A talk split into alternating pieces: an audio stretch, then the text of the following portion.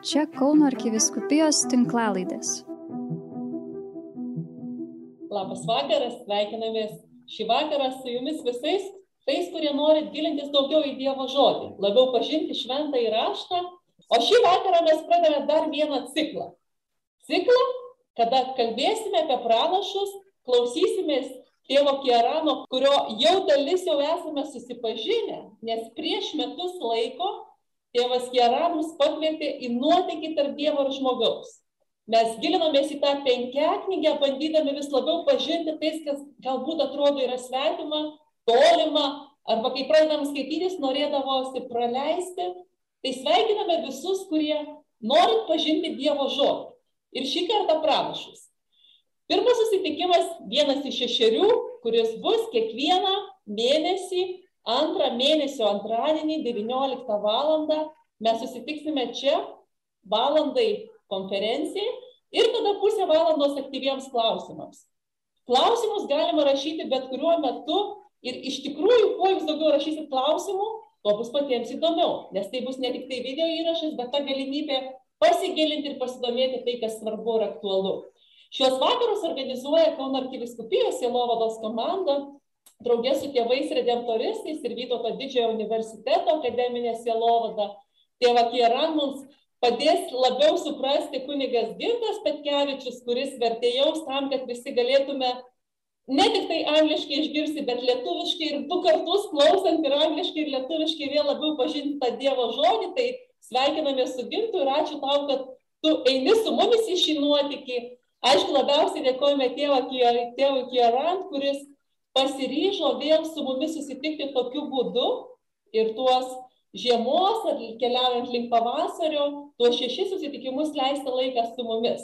Ir aš norėčiau pakviesti kunigą Rastislavą, kuris yra Vytauto didžiojo universiteto akademinėje sielovadoje tarnaujantis kunigas, redemptoristas iš Slovakijos kuris prabils jau lietuviškai ir tikrai pristatys truputėlį tėvą Kieran, kuris taip pat yra redemptoristas, tos pačios vienolyjos atstovas. Ir galima sakyti, jau ir mūsų toks patruputį bičiulis, kuris jau antri metai keliauja su mumis švento, labiau pažindama šventą įraštą. Tai kunigai Rastislavai, pradėkite šį vakarą ir malda, ir tuo pačiu pristatydami tėvą Kieran.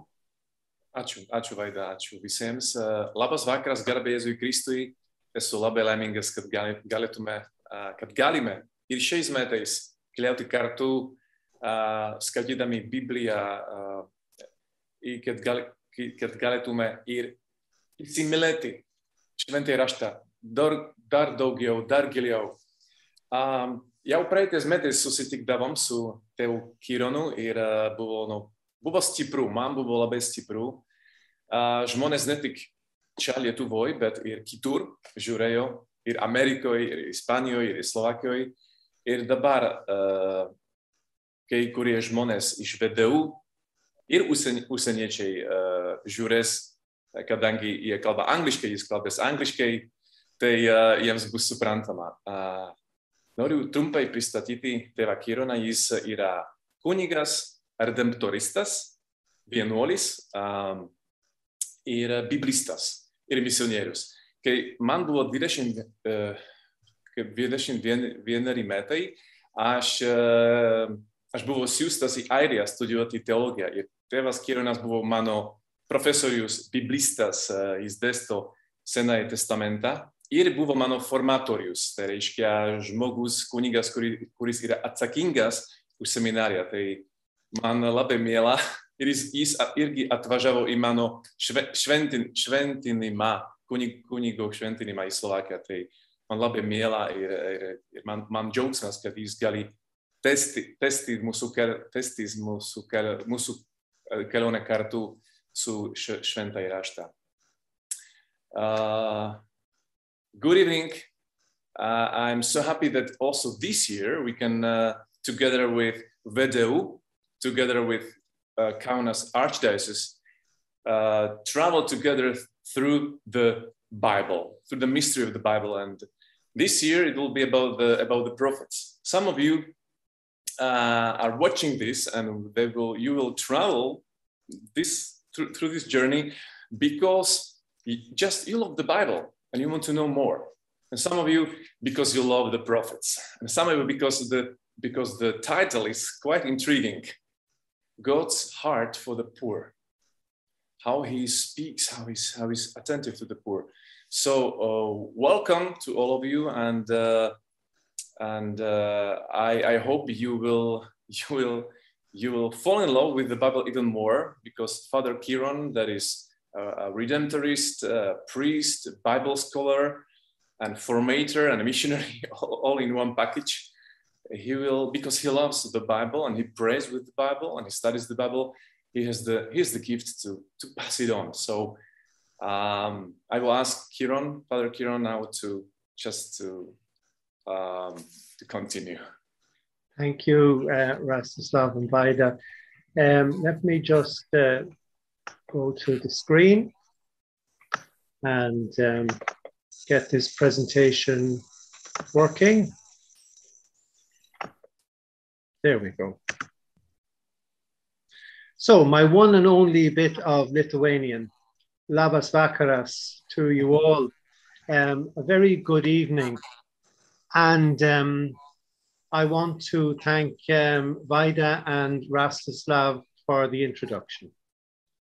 Tai vienintelis dalykas, kai kol kas moku lietuviškai labas vakaras, visų pirma, noriu pasisveikinti su visais ir padėkoti Vaidai Rastislavui už tokį pristatymą.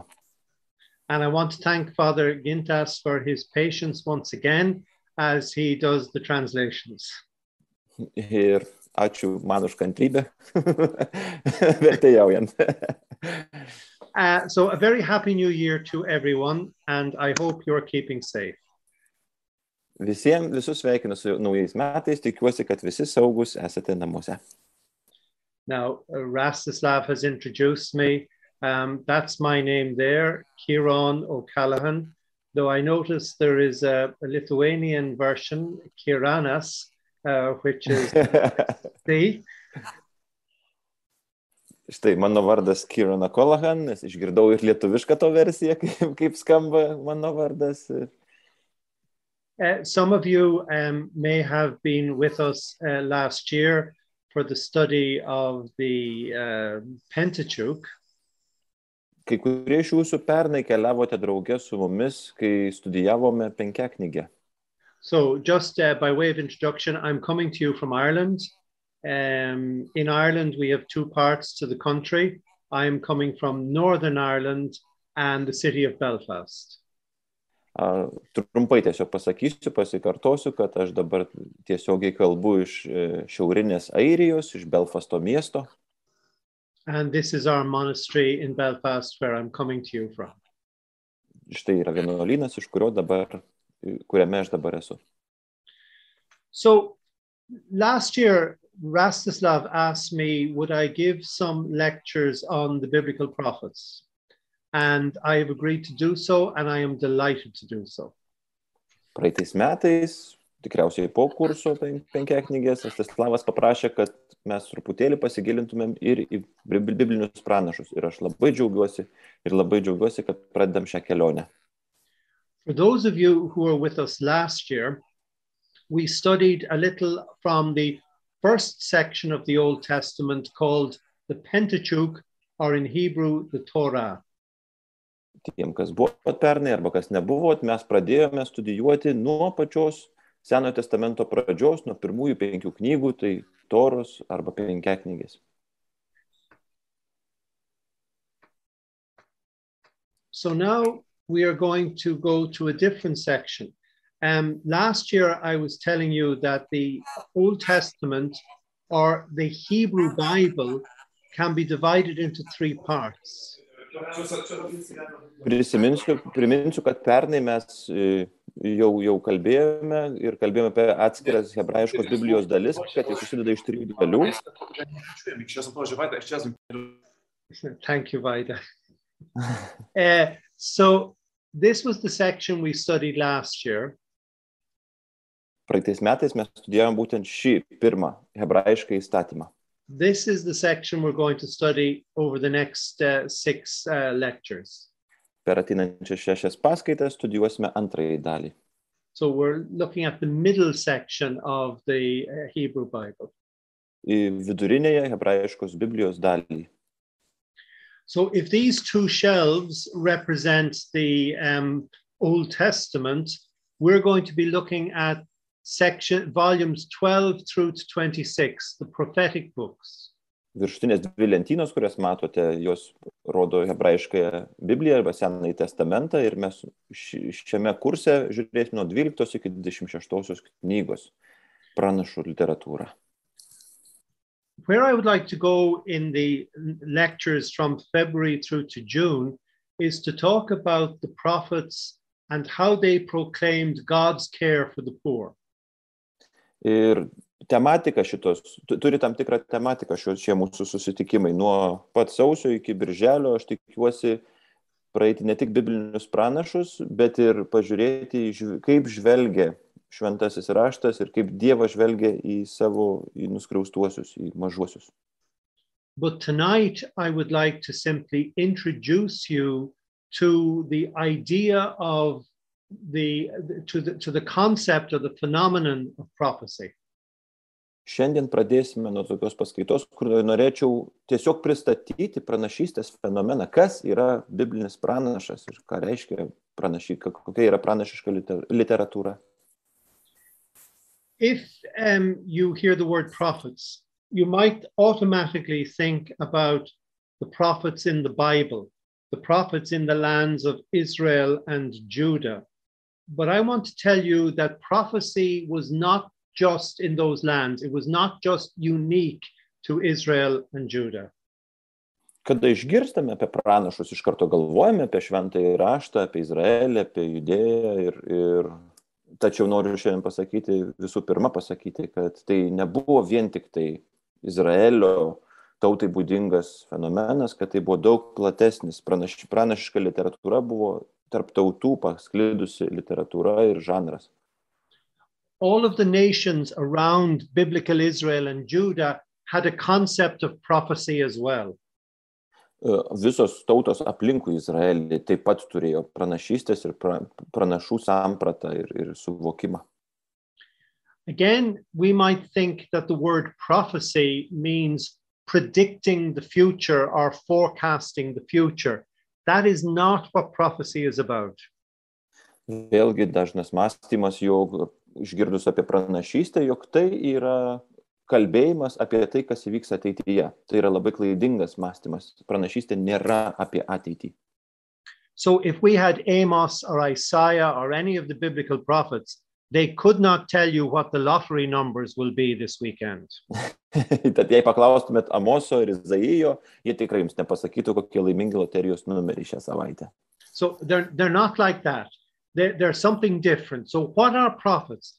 Prophets are ones who mediate, communicate the will of the gods, and interpret that will for the people. Jeigu tai nėra pranašai, kas tuomet yra? Pranašystė ir pranašai yra tie, kurie tarpininkauja tarp Dievo ir žmonijos. Tai neša Dievo žinę žmonijai. So, if you were in Egypt, the prophets of a particular god would claim to communicate a message from that god. Tad, pavyzdžiui, Egipte, tai tam tikro Dievo, kadangi ten daug dievystė buvo, tai tam tikro Dievo pranašai, tiesiog tie, kurie perdadavo tam tikro Dievo žinę. If you were in Babylon, the prophets of another god, Marduk, would claim to communicate a message and interpret the message from the god Marduk. O jeigu būtumėt Babilonė, tai Babilonė lygiai tą patį darydavo pranašai, lygiai tokį patį dalyką, tiesiog nuo kito Dievo, tai nuo Marduko. Tai kiekvienoje religijoje buvo tie, kurie transliuoja Dievo žinę. And if you were in Israel or Judah, the prophets would claim to communicate a message from the God of Israel. O jau judėjoje, Izraelį, tai pranašai buvo tie, kurie kalbėjo Dievo, Izraelio Dievo vardu. So if we could go back to where we get our word from, it's from a Greek word, prophetes. E, Etimologija šio žodžio yra graikiško, jis kilo iš graikiško termino profetės. And it means one who speaks for another. So a person who speaks for the God. Excuse me. Šis terminas reiškia tas, kuris kalba kito vardu arba už kitą. Šiuo atveju tas, kuris kalba Dievo vardu. So the prophets in all of these cultures are, and I, I, I take it you have the word, spokespersons for the gods. Ir jo, pranašai buvo tie, kurie atstovauja Dievą. Now, if you look at the Hebrew um, uh, word, the Hebrew word for prophet is navi. Hebrajiškasis terminas išreikšti pranašams yra navi. And it has the sense of one who is called or one who calls on, one who is called by God or one who calls on God. Ir jis gali būti suprastas dviejopai, priklausomai nuo konteksto, tai gali reikšti tas, kuris pašauktas kalbėti Dievo vardu, arba tas, kuris šaukėsi Dievo vardu. Now, we have many texts from, I have up there the letters A N E. That stands for Ancient Near East. Kas anglų kalbą skaitote, ANE reiškia Ancient Near East, senovės artimieji rytai trumpinys. So, th- this is a term that refers to, we might say today, the Middle East in ancient times. Tai šiandien mes laikytumėm viduriniuosius rytus, tik seniaisiais laikais. Tai, kas šiandien yra viduriniai rytai. And we have texts from many cultures from the ancient Near East. Ir mes turime daugybę, daugybę literatūros, daugybę tekstų iš senovės artimųjų rytų. And, and these texts um, testify, uh, show us that all of these peoples had an idea of prophets. They, they had, they, they, they, the prophecy existed among these peoples of the ancient Near East. Ir tai, ką mes kalbame, kad pranašystė, kad pranašystės fenomenas buvo paplitęs tarp artimųjų rytų, senovės artimųjų rytų kultūrų, mums liudyja daugybė, daugybė skirtingų kultūrų tekstų, kurie yra išlikę iki šių dienų. So this area of the world is what I'm calling the ancient Near East.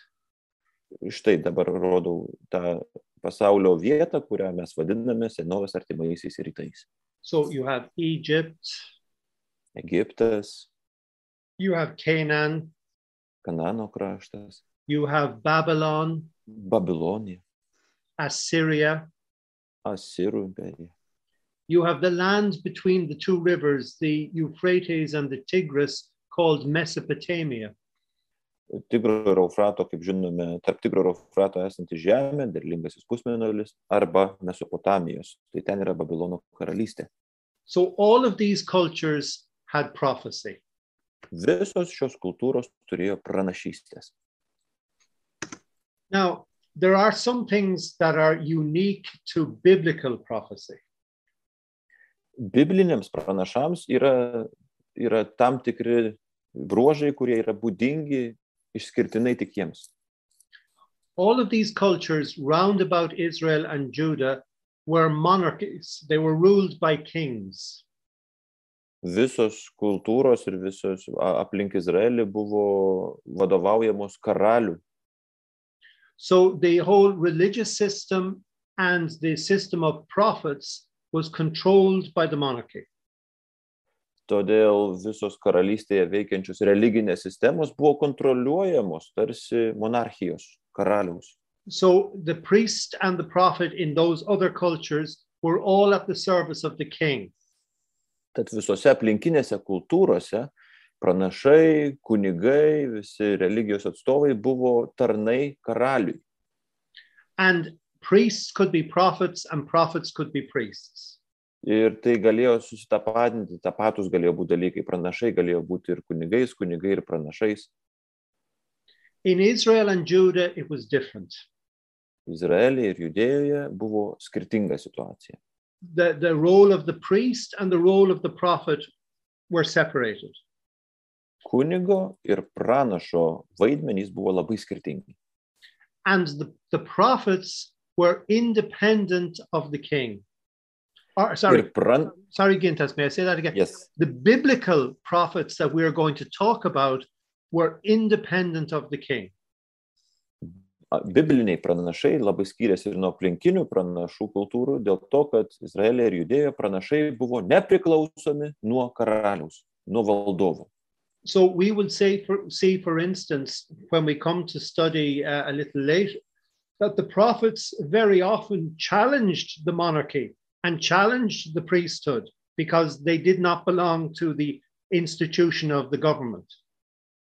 Ir labai dažnai pamatysime ir matome Biblijoje skaitydami, kad pranašai tarsi netgi meta iššūkį, stojasi prieš monarchiją, prieš valdovus, net prieš kunigus, nes jie nepriklausė tiesiog tai valdymo sistemai, jie buvo visiškai nepriklausomi. When we meet our biblical prophets, the, the land, the, the, the, the, Holy Land is, is, is divided into two countries. You have Israel in the north and Judah in the south.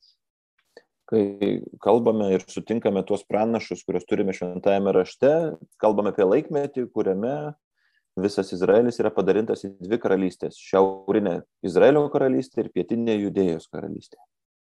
We have some prophets from the north, from Israel, two.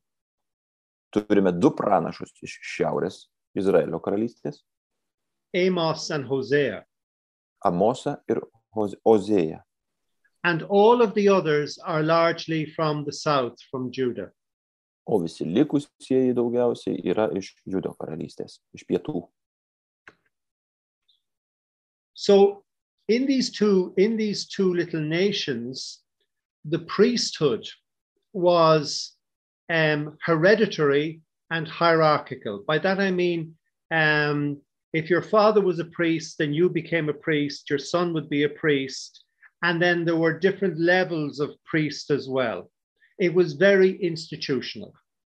Ir uh, kalbant toliau apie skirtumus tarp kunigystės ir pranašystės, tai Izraelyje kunigystė buvo paveldima ir hierarchinė, reiškia, jeigu tavo senelis buvo kunigas, tėvas kunigas, ir tu greičiausiai būsi kunigas, ir netgi kunigystė būdavo, turėjo tam tikrus laipsnius tarnystės savo. O, And it was at the service of the king. ir visi kunigai buvo karaliaus tarnybai, karaliaus valdžioje. Whereas prophecy was charismatic. By that I mean that God would call an individual to be a prophet, and that prophet would be beyond the control of the king. O pranašai buvo tie, kurie labiau iš charizmos, charizmatiški. Tuo turiu omenyje, kad Dievas pašaukdavo tam tikrą žmogų būti pranašu ir taip pranašas niekuomet nebūdavo pavaldus karaliui, tiesiogiai Dievui. So you can see already the, the, the potential for tension between um, a very charismatic prophecy and a very institutional priesthood and monarchy. Ir jau galima nujausti tam tikrą įtampą, kuri kyla tarp labai charizmatiško pranašystės fenomeno, tiesiogiai iš Dievo kalbėjimo, nepriklausomai nuo karaliaus, ir institucinės kunigystės, tarsi irgi religinio stovėjimo, tačiau jau po karaliaus vėliava. Now, all of the other nations round about Israel and Judah believed in many gods. And we would use the word polytheistic. They believed in poly, many, theist, to believe many gods. Aplinkinės e, kultūros, aplinkinės tautos buvo daugiausiai politeistinės, tai reiškia, tikėjo į daug dievų. But in Israel and Judah, allegiance was given to one, the God of Israel. O Izraelis dar buvo išskirtinis tuo, kad buvo ištikimas vienam dievui. So, Is that since the Israelite uh, religion was monotheistic, to use that phrase, um, allegiance to one God, prophecy developed differently in Israel and Judah compared to the polytheistic nations round about. Tai irgi viena iš priežasčių, kodėl pranašystės fenomenas kitaip tarsi augo ir kitaip skleidėsi, nes Izraelis buvo monoteistinė religija, monoteistinė tauta, kuri tikėjo vieną Dievą, dėl to ta pranaši, pranaši, pranašiška literatūra truputėlį kitokia. So, with that little bit of a background, I'd like now to focus in on what was prophecy like in these two biblical nations, in Israel and Judah. What was prophecy like there? Ir dabar jau galime gilintis ir žvelgti jau daugiau kaip šiaurinė Izraelio ir pietinė Judo karalystėje, kas buvo pranašystės.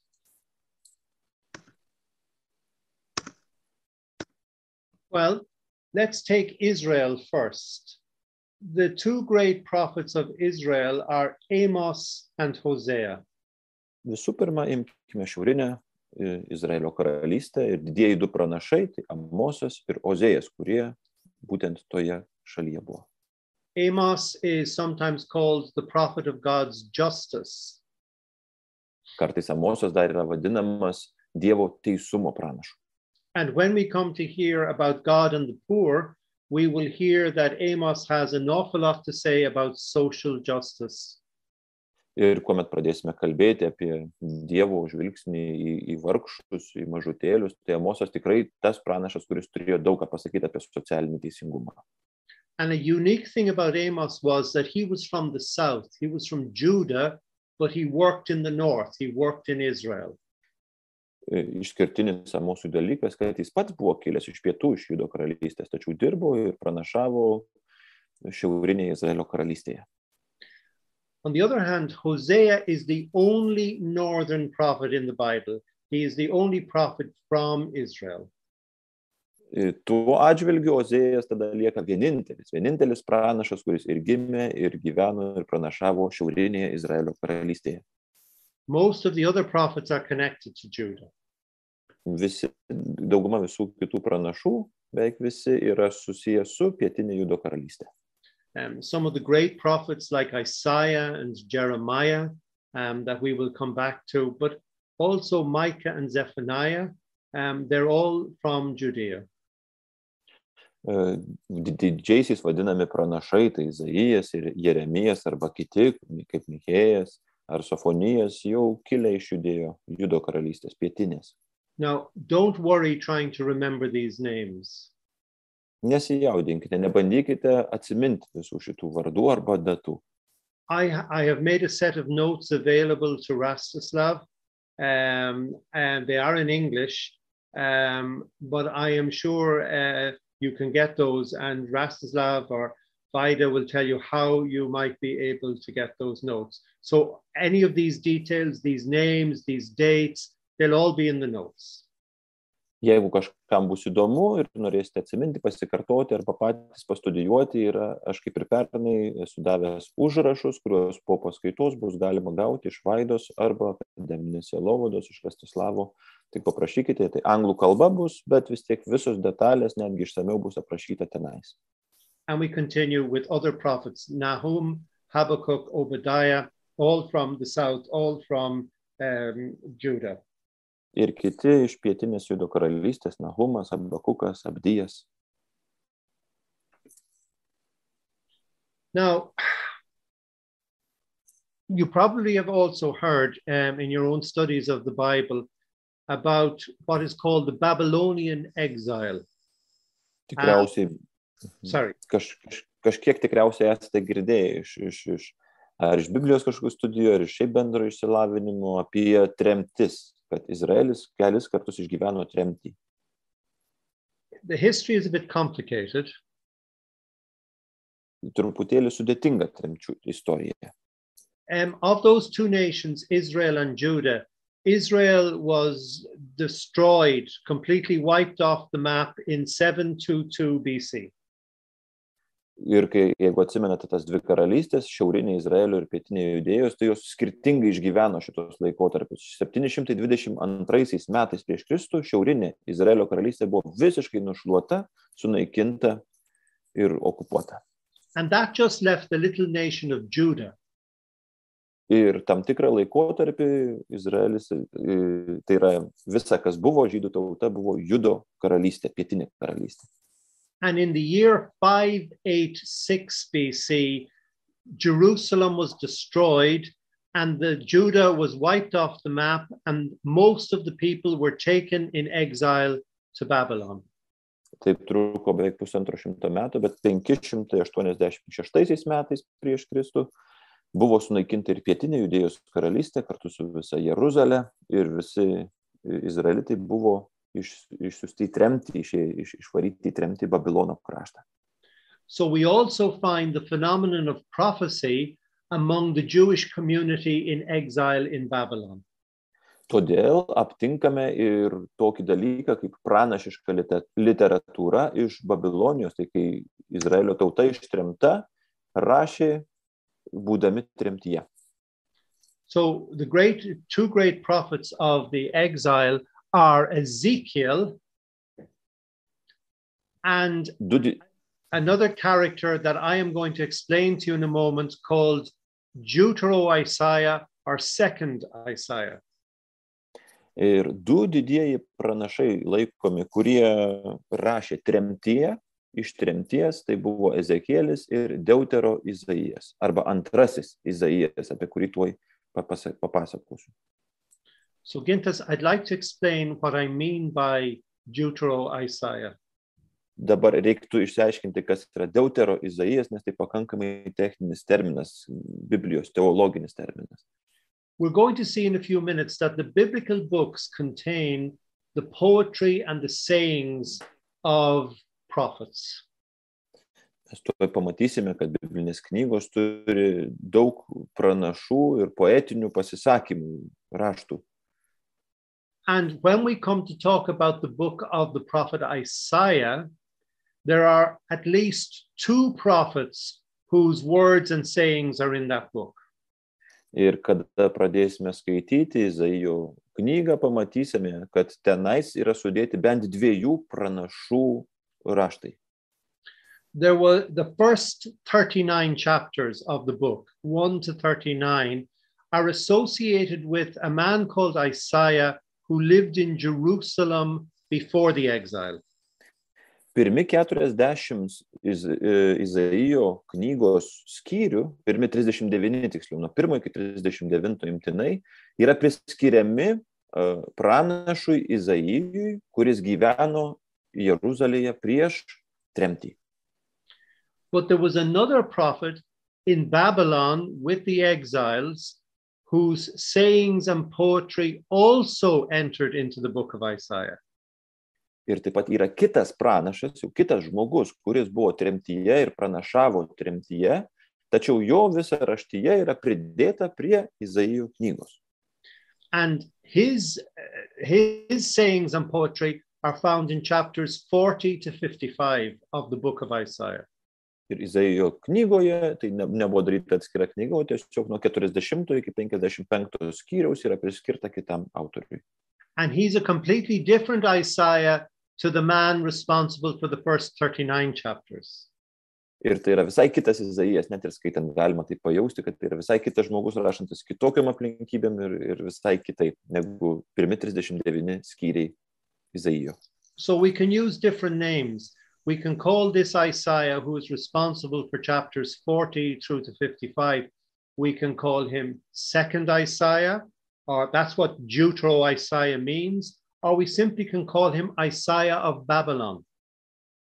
Tai, kad atskirtumėm šituos du autorius, tai tas techninis terminas, tai teologijoje naudojamas yra, kad pirmi 39 skyriai yra Izaijas, o toliau nuo 40 yra Deutero Izaijas. Mes jį vadinsime antrasis Izaijas, arba kitur dar galima sutikti ir Babilono Izaijas.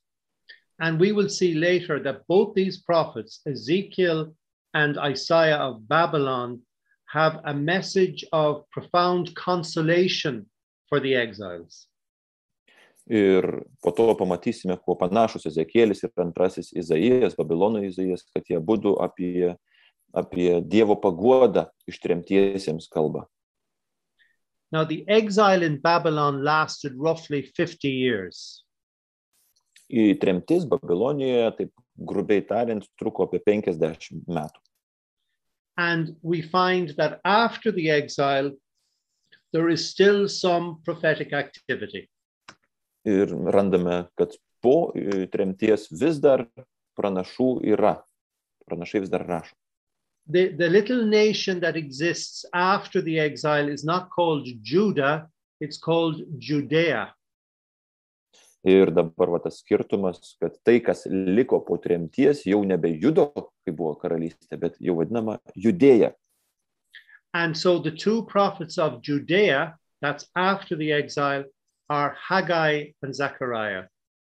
Ir du pranašai, kurie po tremties rašė judėjoje, buvo Agėjas ir, ir nespėjau pamatyti. And also Joel and Malachi.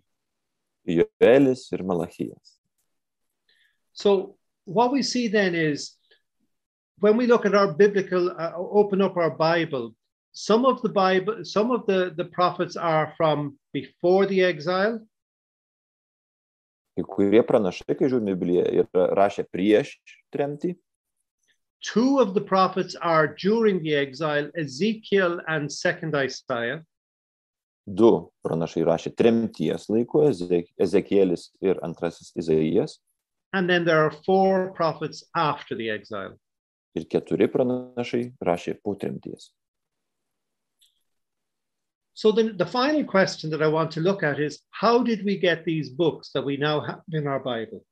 Tai mes aptarėme pranašus, kurie gyveno ir kalbėjo, bet paskutinis klausimas, kurį noriu aptarti, yra, kaip mes turim knygas pažiūrėti, kokias mes šiandien turime, kaip mes atėjome iki šitos raštijos.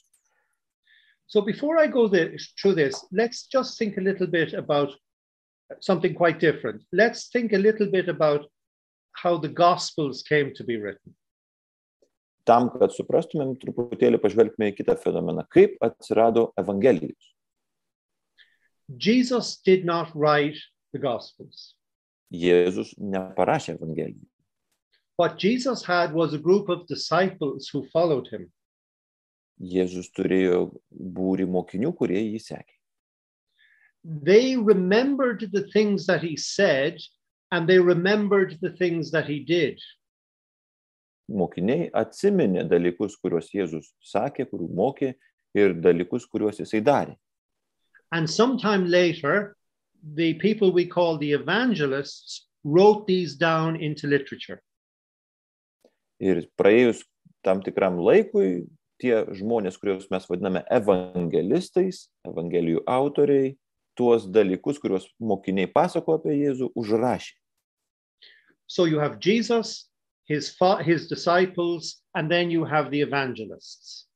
Tad Evangelijos gimė tai buvo Jėzus, kuris darė ir mokė, tada buvo mokiniai, kurie girdėjo jo mokymą ir įskleidę, ir tik tada buvo tie, kurie užrašė dar kiti žmonės. Now, if you keep that, that pattern in mind, it will help you understand how the prophetic books came.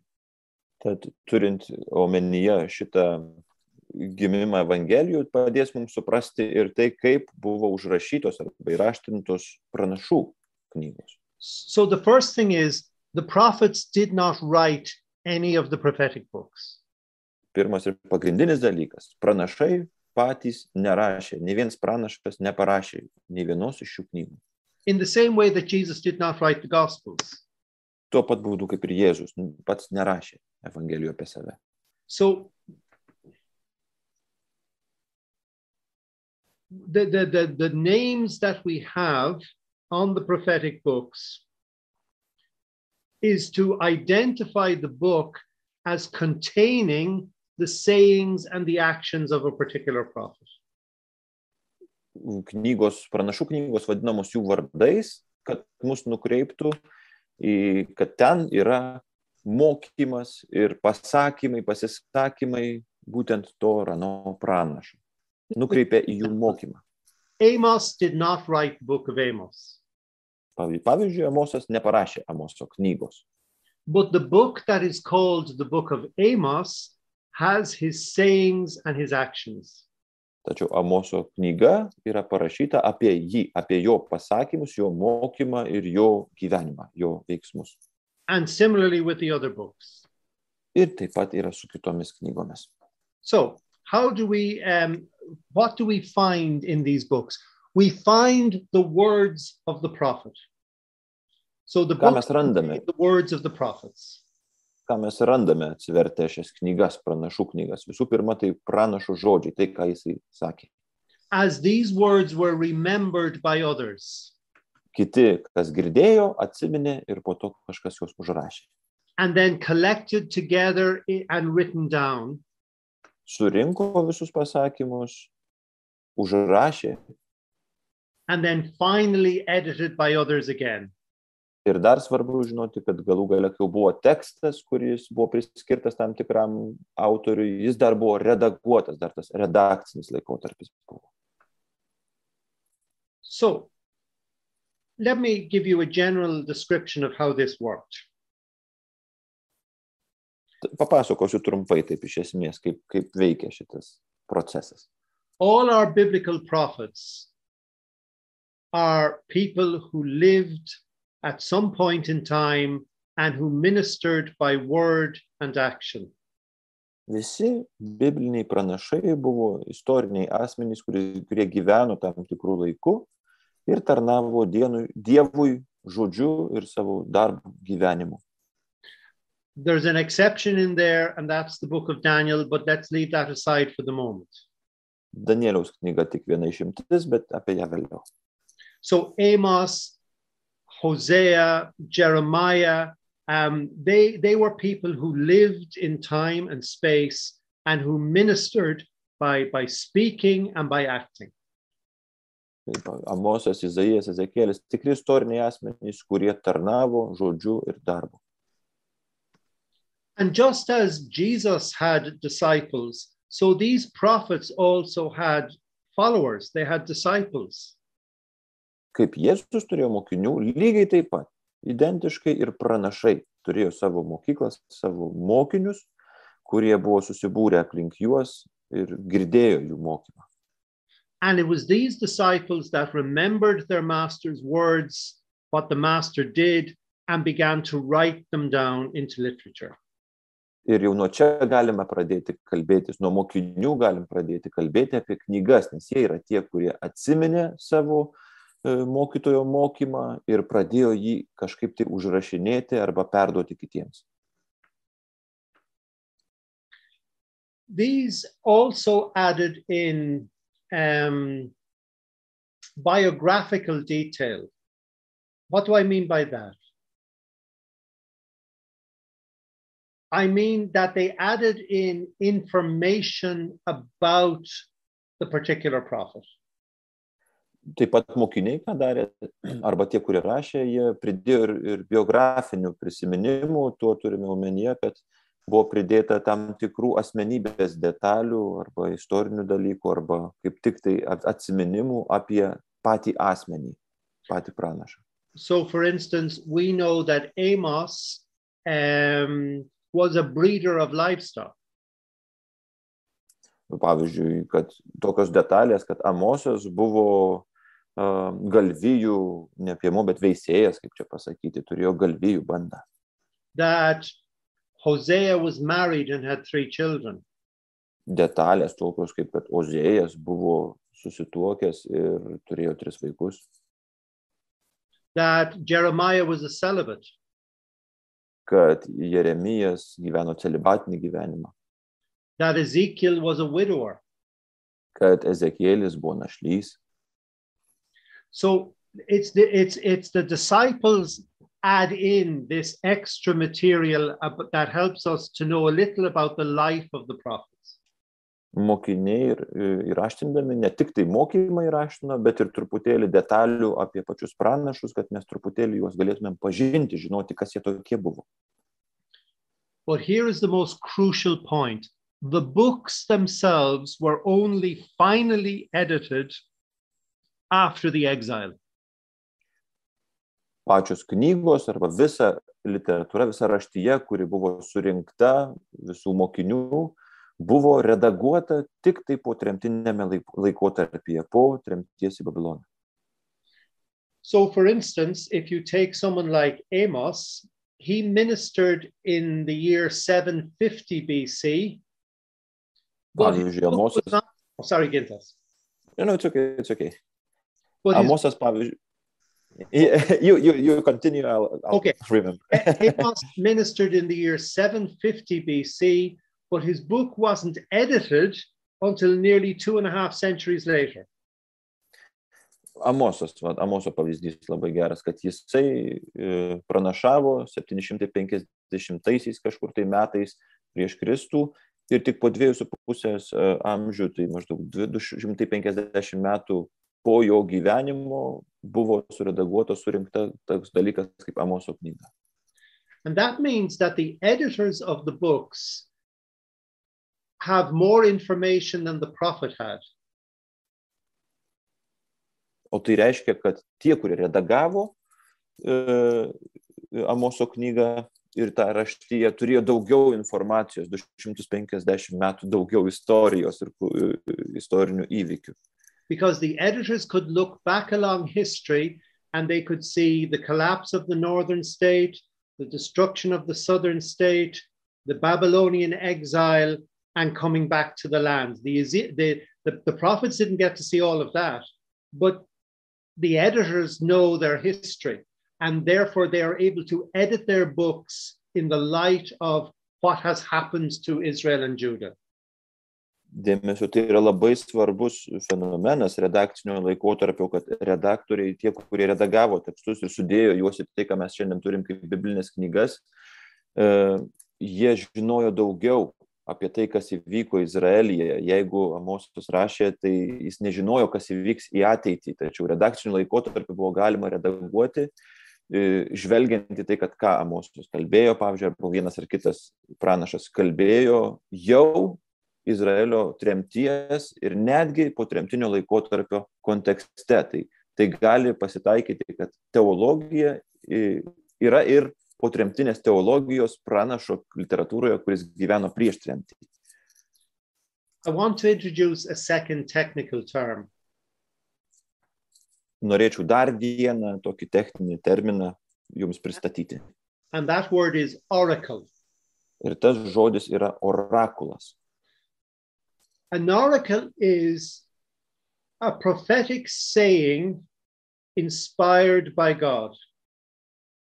Kai kalbame apie literatūrą, orakulas yra frazė, yra pasakymas pranašo, kuris yra Dievo autoritetu sakomas.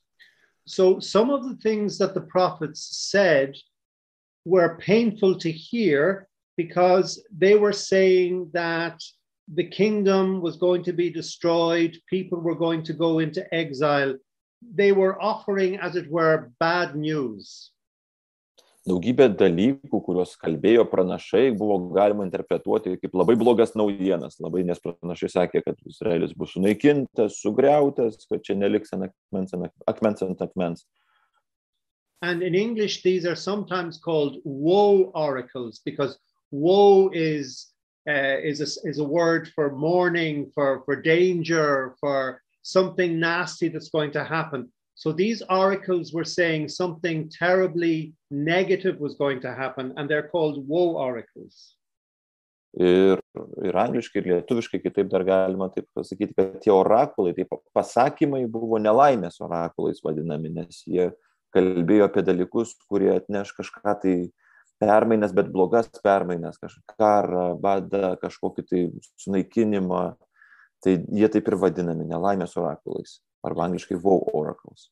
So the editors who could look back across history and saw the collapse of Israel and Judah, and then saw the restoration after the exile, these editors put all the nasty stuff, the woe oracles, the bad news, they come first in the books of the prophets.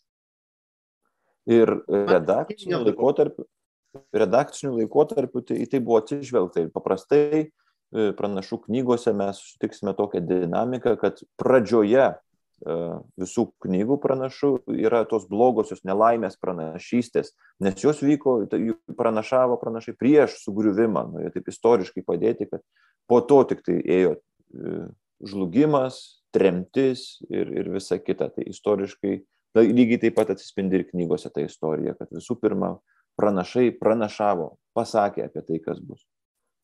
But the prophets also had good news for the people. They talked of God's healing, uh, they talked of the restoration, um, they talked of a new relationship with God. And these are known in English as wheel oracles, good oracles. Nelaimės orakulai nebuvo vieninteliai, buvo ir gerovės orakulų, arba teisybės orakulų, kurie kalbėjo apie Dievo darbus, Dievo Dievo išgydymą, Dievo išgelbėjimą. Ir vadinami teisybės arba gerovės orakulai, kurie kalbėjo apie gerus dalykus.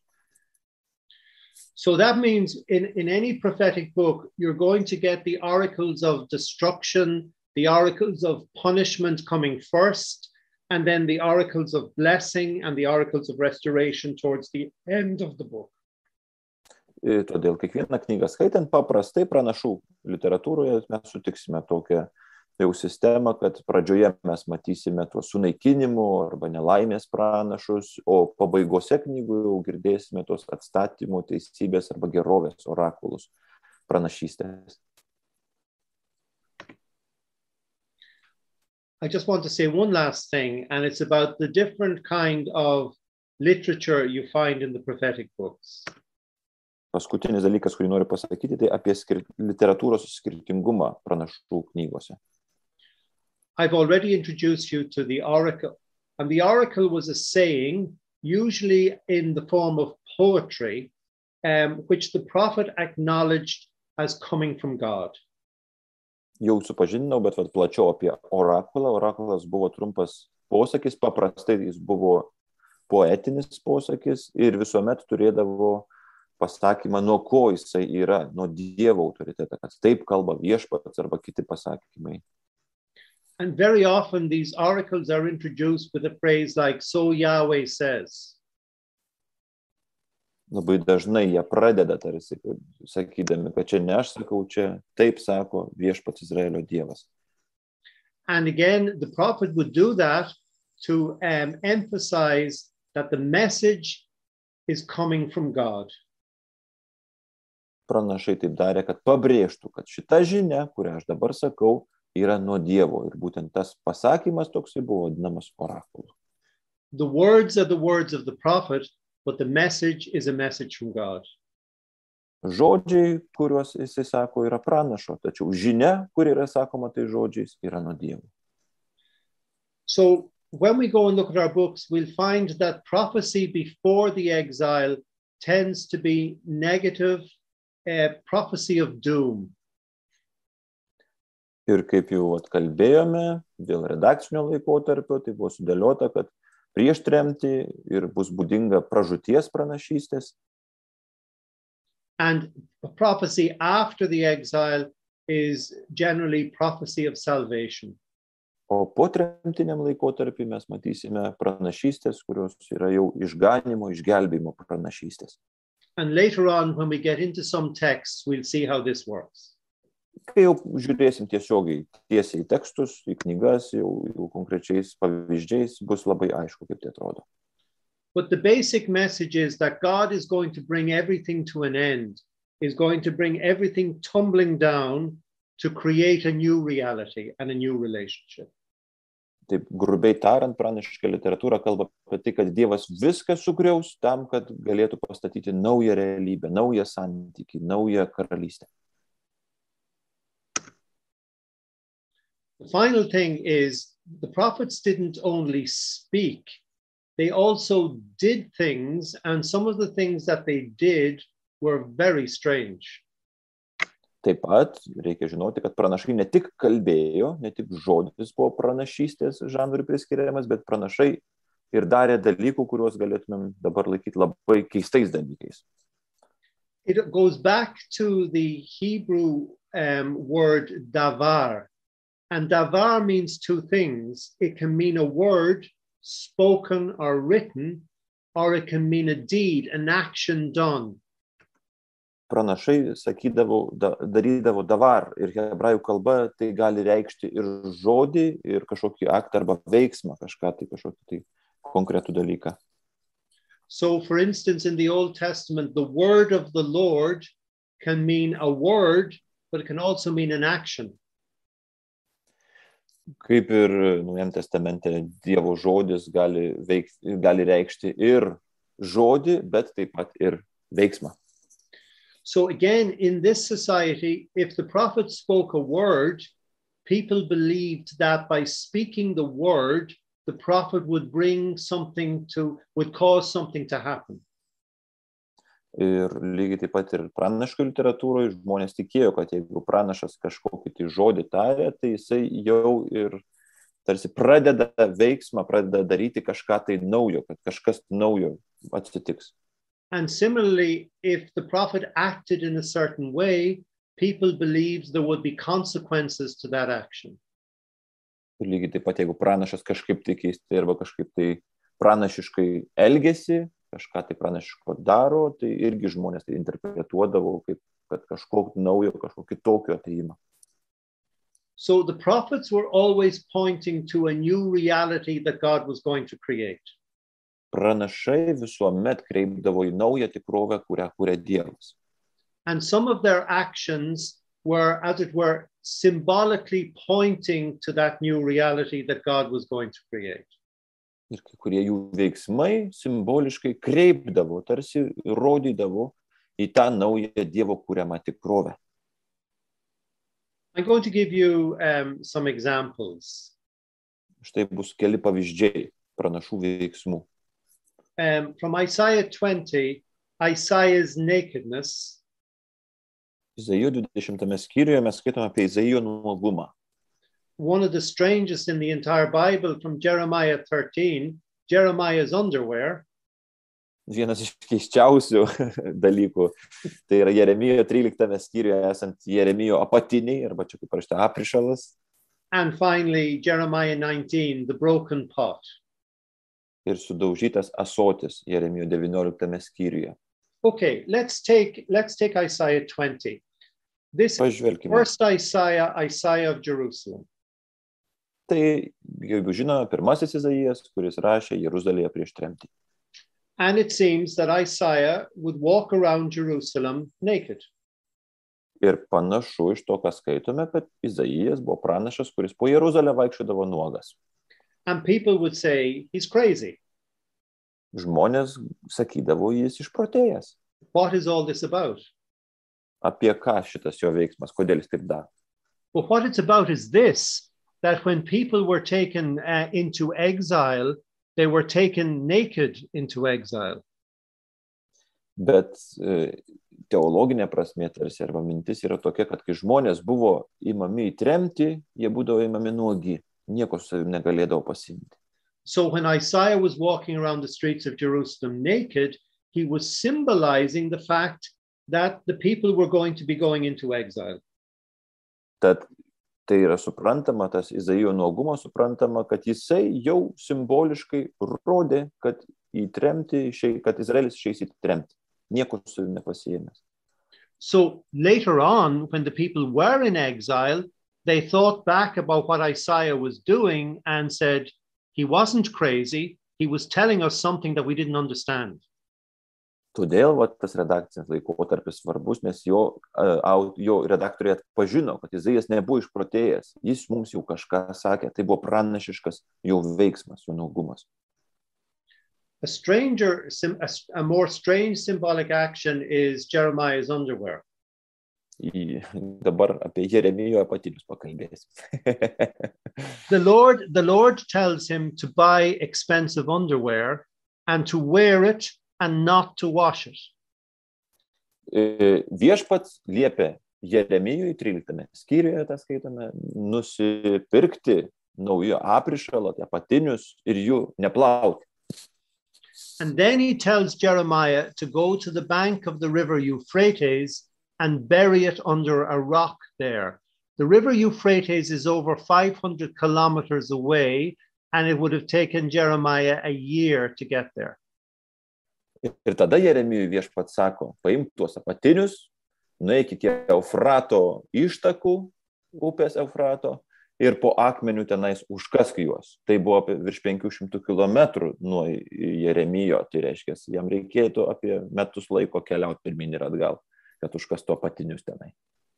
Then he told he tells Jeremiah to go home to Jerusalem. Ir tada sako, eik namo į Jeruzalę, kai jis tą padaro.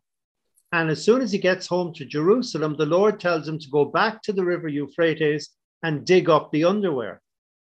Ir kai jis jau grįžta į Jeruzalę, viešpats jam sako, grįžk prie Eufrato upės ir atkask tuos apatinius. And it's all destroyed and, and ruined.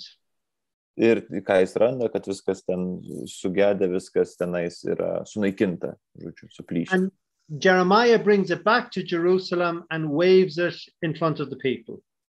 Ir Jeremijas parsineša tą aprišalą, tos apatinius į Jeruzalę ir mojuoja žmonėmis.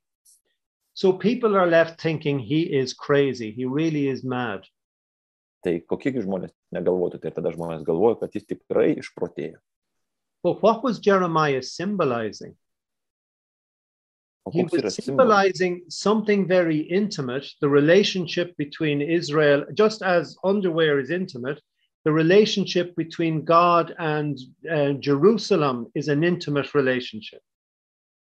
O ką tai simbolizavo? Po to čia buvo jau taip sudėta, kad vat, tas simbolis buvo pranašiškas ir kad kaip kad intimus dalykas yra apatiniai, taip pat Dievo ir, ir žmonių, žmonijos ir, ir Dievo, tiksliau, ir Izraelio santykiai yra labai intimus ir vat, netgi tas, ta kelionė iki Mesopotamijos ir atgal, iki Eufrato upės ir atgal, vat netgi simbolis tos tremties. And just as this underwear was destroyed in Babylon, Babylon will destroy the relationship between Jerusalem and God. Ir kaip va šitie apatiniai sunyko ir buvo sunaikinti Babilonijoje, lygiai taip pat ir Izraelio ir Dievo santykis bus sunaikintas tenai. And the final one is that Jeremiah goes to a potter's shop and he takes a pot and he smashes it. Ir Jeremijo 19 skyriuje mes skaitome apie sudužusi uh, asotį, kur nueina Jeremijas į, į, į, į, į tarsi parduotuvę asočių ir, ir, ir turguje ir, ir sudaužo asotį. And he was symbolizing that God was going to break the relationship between God and the people. Ir tai yra simbolis to, kad pats Dievas ims ir sunaikins santyki, kuris yra tarp dievų ir žmonių, nes jis jam nepatinka. So you can see that when the prophets did these things, they were seen to be very strange things, and the prophets were regarded as crazy. Tad matote, pačių veiksmų metu, kuomet pranašai darė tokius dalykus, tie dalykai atrodė labai keisti, o pranašai netgi atrodė kaip išprotėję. And that um, God, of course, that, that God would end this particular relationship but create a new one. Ir visą tai simbolizuoja tai, kad Dievas tokį santykį, koks yra arba koks jam nepatinka, sunaikins ir kurs naują santykį su žmogumi. And that's where I finished the presentation tonight. Um, when we come back in February, we're going to begin to look at, um, in a little bit more detail, um, what message, the, what was the actual content of the message that the prophets had for um, the monarchy um, in Israel and Judah, particularly around the vulnerable and the poor. Tai šiandien tai yra paskutinis dalykas, kurį jums norėjau pasakyti, o vasario mėnesį, kai susitiksime, žvelgsime jau konkrečiai į pranašų tekstus, tuos, kurie kalbėjo apie, uh, apie, apie monarchiją, į karalius buvo nukreipti, arba kalbėjo apie santyki, Dievo santyki su iškilmingaisiais, su karaliais ir su vargšais. So, Gintas, I thank you for um, that wonderful uh, um, translating. And I'm going to hand back now to Vida, who may have questions, and we'll try and answer them. Thank you, Father. So we have few questions.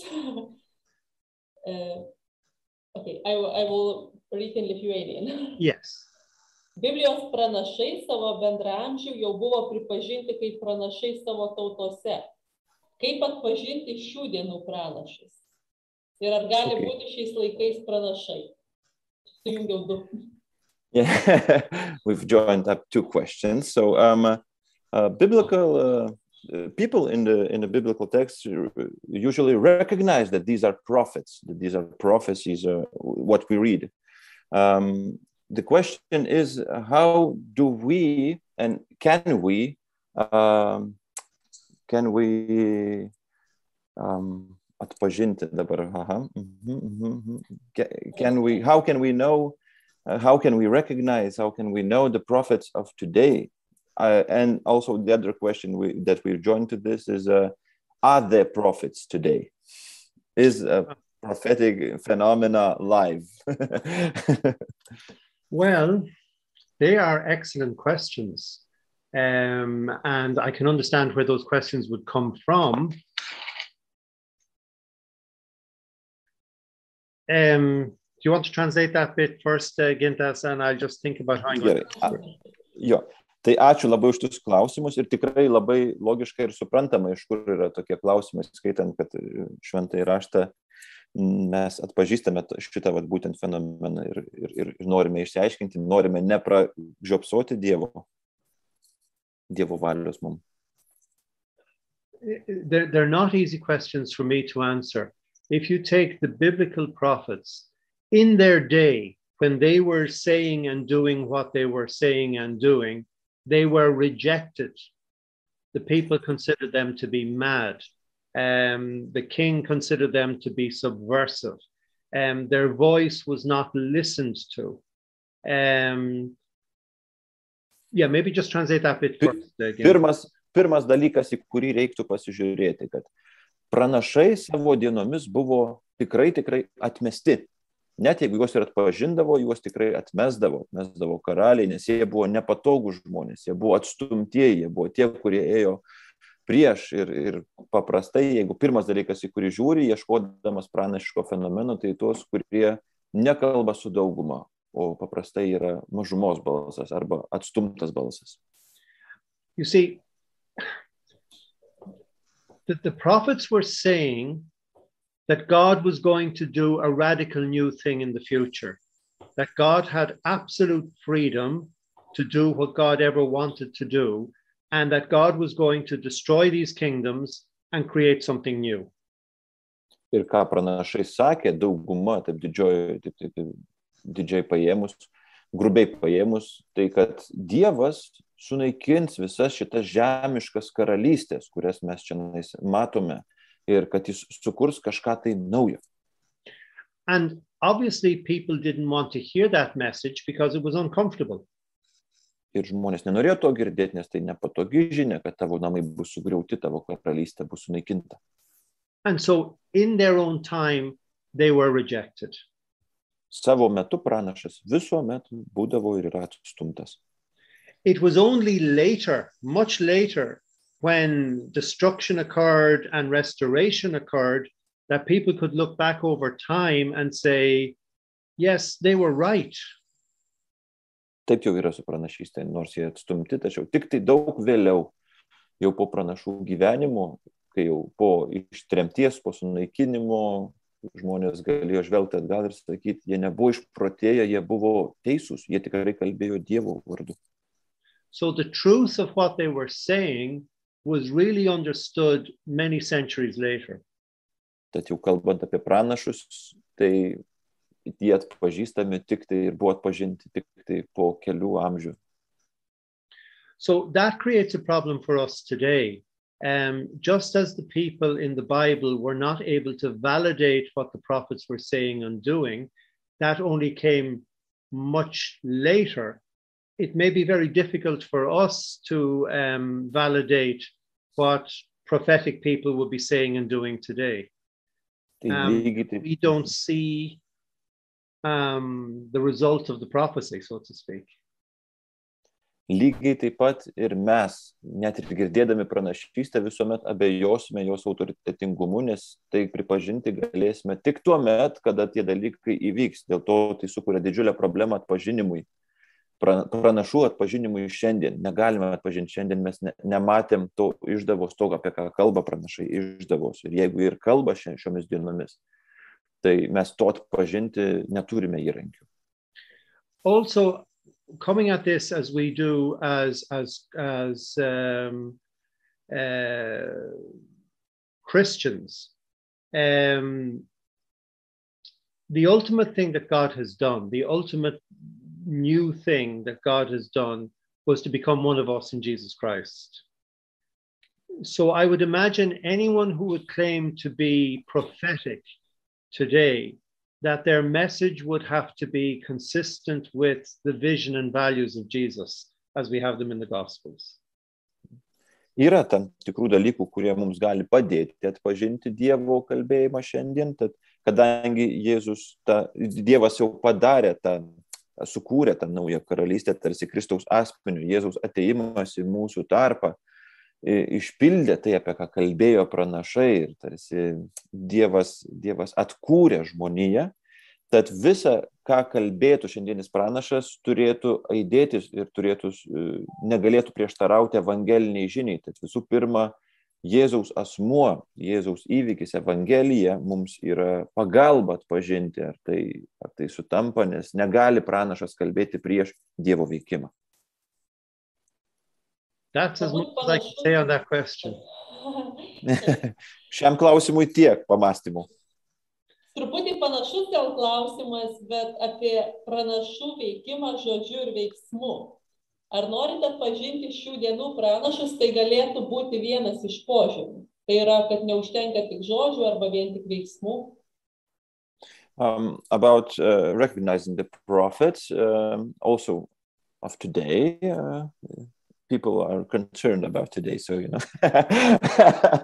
recognizing the prophets, uh, you were talking about uh, words and actions. Does the prophet have to have both? Uh, could it help us to recognize? Because prophet not only speaks, but acts uh, on it. And um, does the prophet have to have both? No, um, I think I think that's a, the, the, this word and action is a characteristic of biblical prophecy because of the double meaning to the word davar. Um, the word of the Lord, the davar of the Lord can mean a word or an action. Um, that does not necessarily have to follow today. Šiandien nebūtina, kad ir, ir, ir net ir bibliniam pranašui nėra būtina ir žodis, ir darbas. Tai tiesiog charakteristikos, iš kurių buvo atpažįstama, gali būti tik žodis arba tik darbas, dėl to ir šiandienai jeigu norėtume atpažinti pranašą arba pranašišką vat, kažkokį, tai, gal, tai gali būti ir veiksmas, tai gali būti ir žodis, tai gali būti vat, toks, tam fenomenui nebūtini šitie būdų dalykai. Tai jeigu ieškom, turim ieškoti plačiai. Vaida, I have a question here up from uh, Rastislav. Um, and the question is, and Gintas, you may need to put this into uh, Lithuanian. Why are Yes. the prophetic books that were already fulfilled still significant today? Kodėl, klausimas yra, kurį dar gavo tėvas Kiran tiesiogiai iš, iš tėvo Rastislav. Tai yra, kodėl, jeigu pranašiška literatūra ir tai, ką pranašai kalbėjo, jau išsipildė, ar tai Babilono tremty, ar tai Jėzaus asmeniu, kodėl tai aktualu šiandien? Kodėl mums reikia skaityti? Again, these are these are wonderful questions. Um, I suppose uh, the first thing I would say is that not all of the um, prophecies in the Old Testament are considered to be fulfilled. So, for instance, Judaism would still hold that there are prophecies there that have not yet been fulfilled in the experience of Judaism. Um, Christianity has taken the view that the prophecies that Judaism think are unfulfilled are fulfilled in Jesus. Okay. Um, visų pirma, tai įmant pranašystės, judaizmo žvilgsnių, šiandienio judaizmo žvilgsnių, mm, jie tiki, kad ne visos pranašystės yra išsipildžiusios, biblinės ne visos pranašystės yra išpildytos. Mes, krikščionys, tarsi esame paėmę tokią poziciją, kad dauguma arba visos pranašystės yra išpildytos Jėzaus asmeniu Kristuje. In, in answering the specific question as to why are the books that have fulfilled prophecies uh, of significance, I think it is to do with that God is faithful to whatever God says, that God um, remains faithful. The, the, the, the, yeah, maybe just take that bit first. Yeah. Visų pirmas dalykas, pirmas dalykas apie išsipildžiusias pranašystės arba tai, kas išsipildė Kristuje, kodėl tą reikia skaityti. Visų pirma, tai Dievas visuomet yra ištikimas savo žodžiui, savo pažadams ir tą reikia turėti omenyje. Ar Dievas kalbėjo apie vieną ar dar kažkokį tai dalyką, ar jis nuolat kalba, tai yra gyvas žodis. Tai šitą reikia turėti omenyje, kad tai skaitant Bibliją, tai yra gyvas Dievo žodis ir Dievas tam žodžiui visuomet išlieks, iš, išlieka ištikimas. You see, the people of the, of the biblical prophetic times, they believed that God was responsible for everything. So if a plague came, like the coronavirus, God was doing this to punish sinners. If something good came, God was doing this to bless people. So they attributed everything to the direct action of God.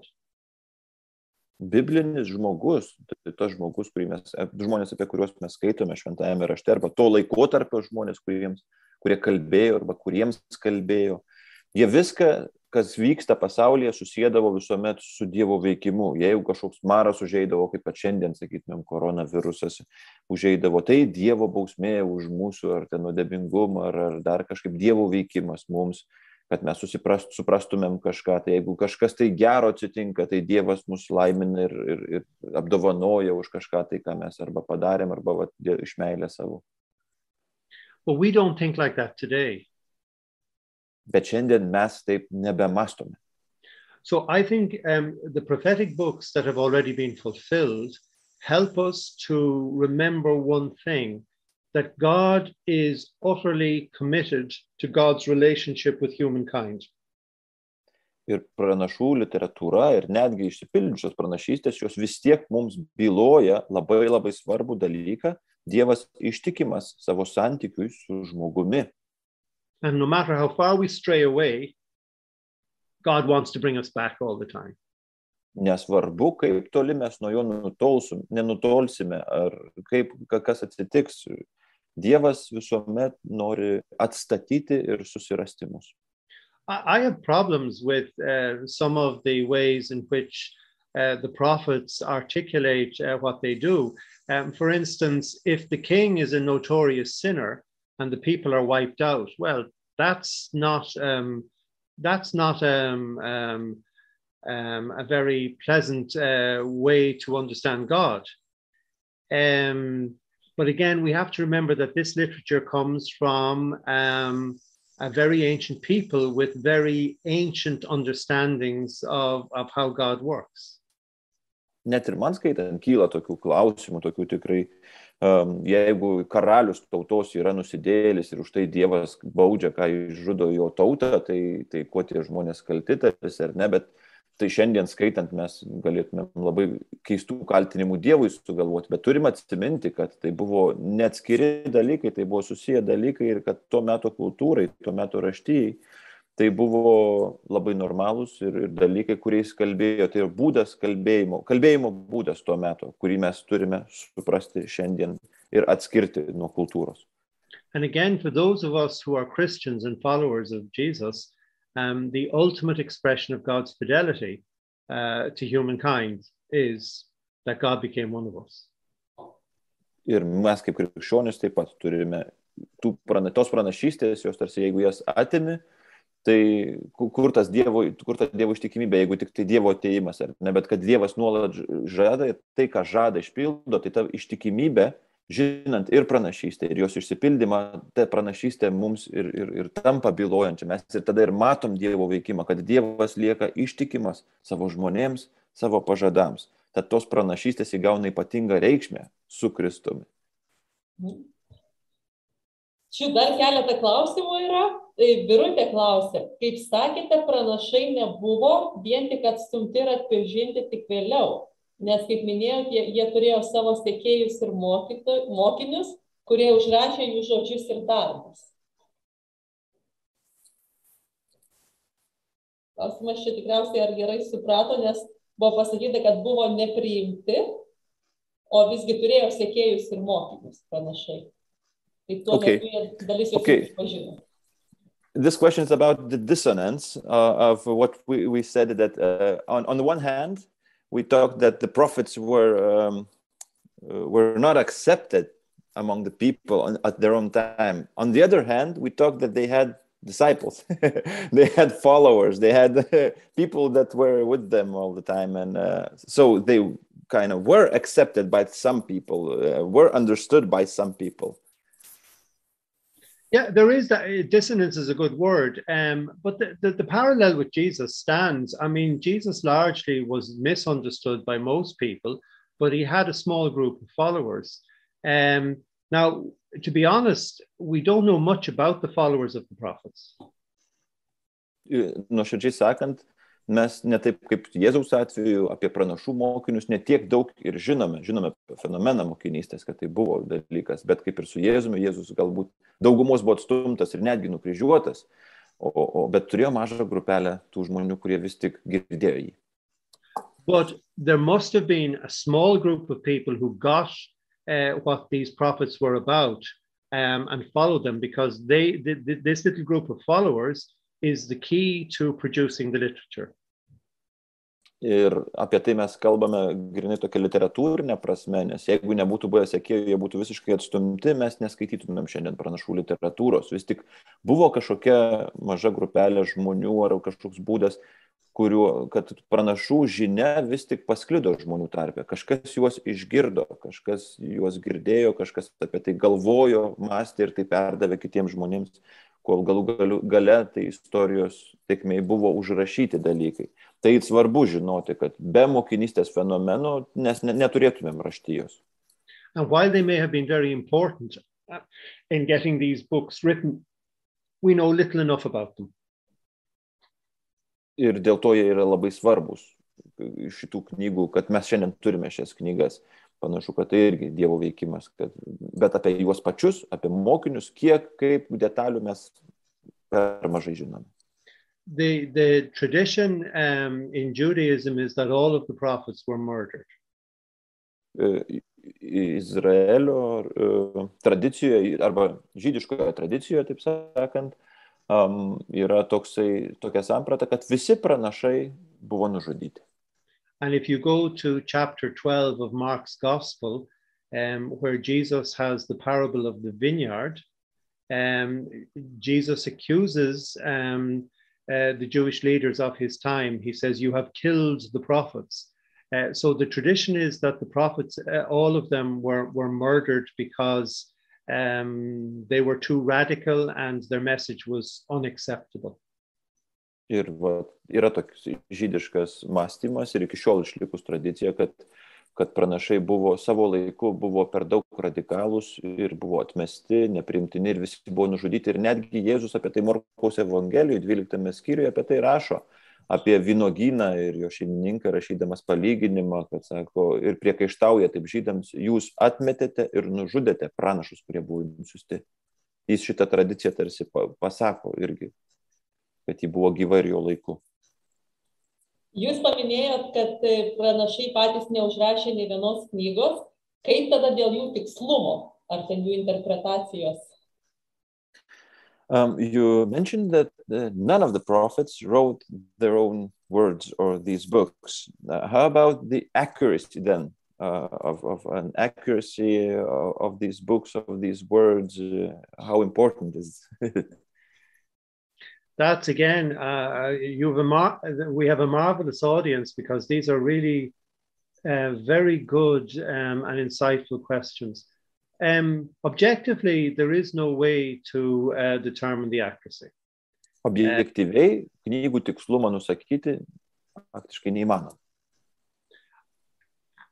All I can answer, and it may not be a satisfactory answer for some people, is to say that we who are of faith believe that the Spirit of God was at work in, um, in, in the formation of the biblical literature, and that we engage with this literature um, out of a faith perspective and with the Spirit of God working in us.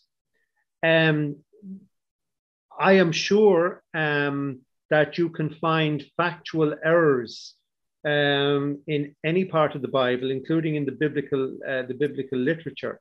I think the only thing that is guaranteed is what is necessary for our salvation um, is guaranteed by the Spirit.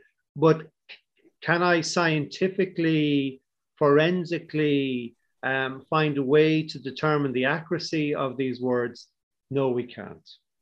Tad mano atsakymas toks dviejopas, gal kai kuriems ir nepatiks, ir ne, nes akademiškai, iš akademinės prieigos, tai apie tikslumą kalbant, nėra būdo pasakyti ir tikrai negalime pasakyti apie tai, kad ar tikrai tas pranašas tai sakė, ir tikrai taip darė, ir tik, nu, at tokio tikslumo mes negalime rasti. Tačiau mes visuomet kaip tikintieji turime ir kitą prieigą, dvasingumo prieigą, kad vis tik šitie tekstai yra ir Dievo žodis Dievo žodis sukurtas e, ir Dievo žodis, kuris e, garantuoja, kad jame yra tai, kas reikalinga mūsų išganimui, mūsų išgelbėjimui.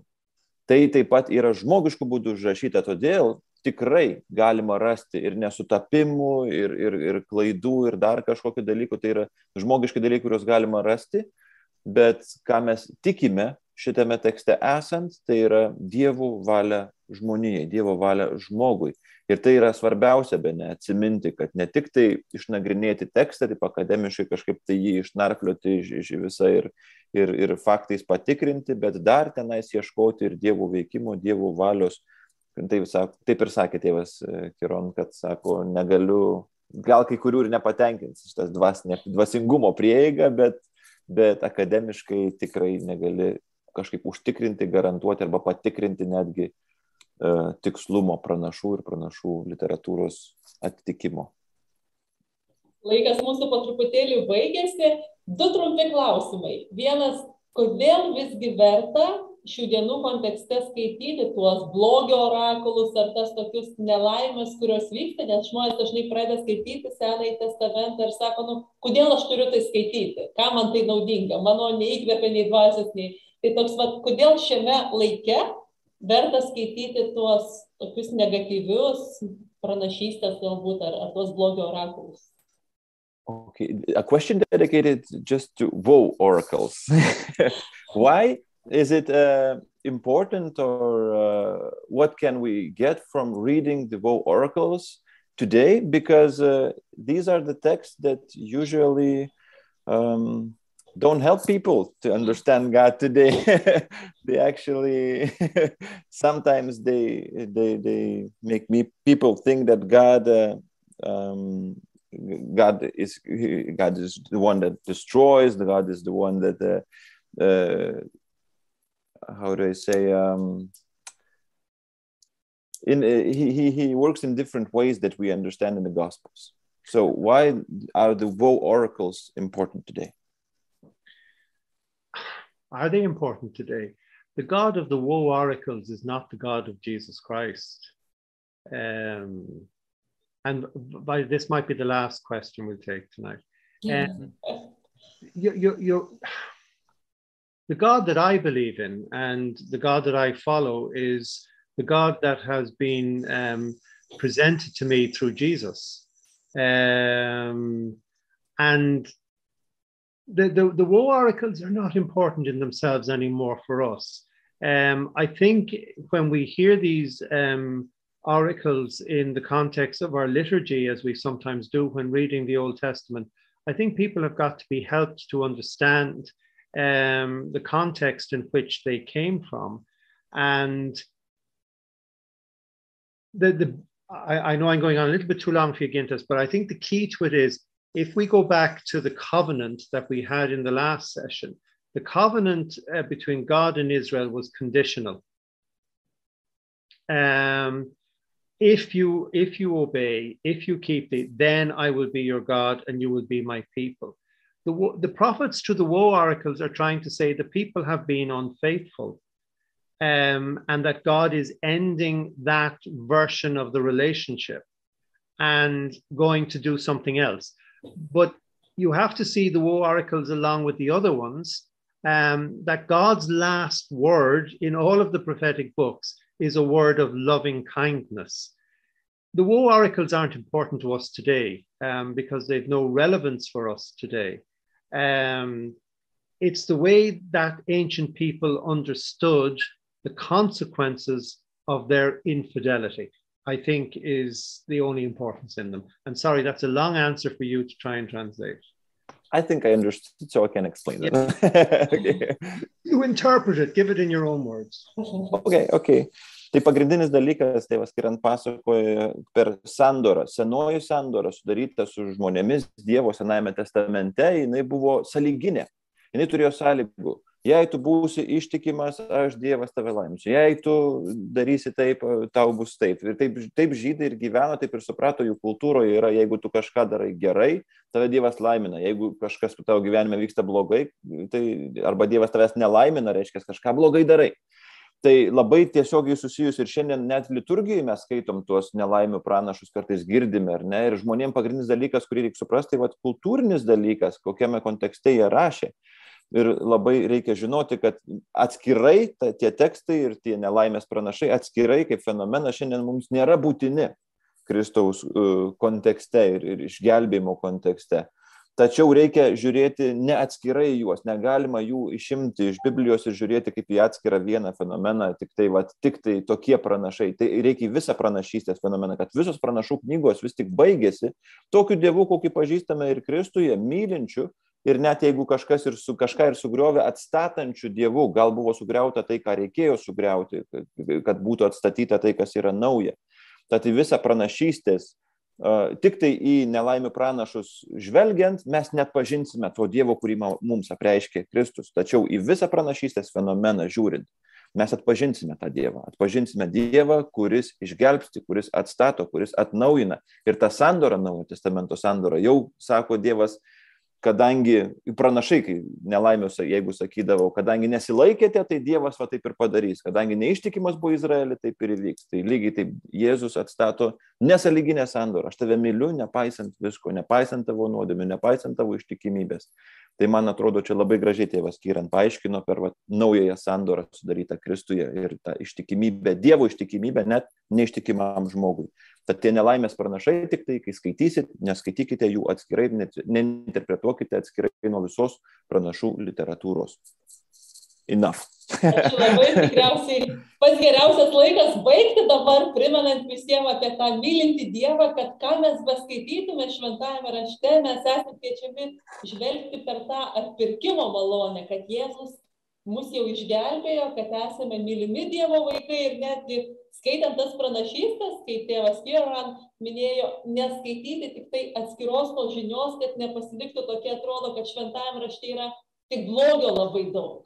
Pranašystės yra apie blogį. Nepamiršti, kad visa tai, ką mus kvietė, žiūrėti per tą Jėzaus Kristaus prisikelimo malonę, per jo mylinti žvilgsnį. Toks atrodo paskatinimas mums vėl gilintis į šventą įraštą mėgautis ir ne tik tai, tai atrodo Senojo testamento tekstais, galbūt kurie yra šiek tiek sunkiau suprantami, bet skaityti tame platesnėme kontekste. Nepamirštum, kad tikrai esame kiekvienas Dievo mylimas.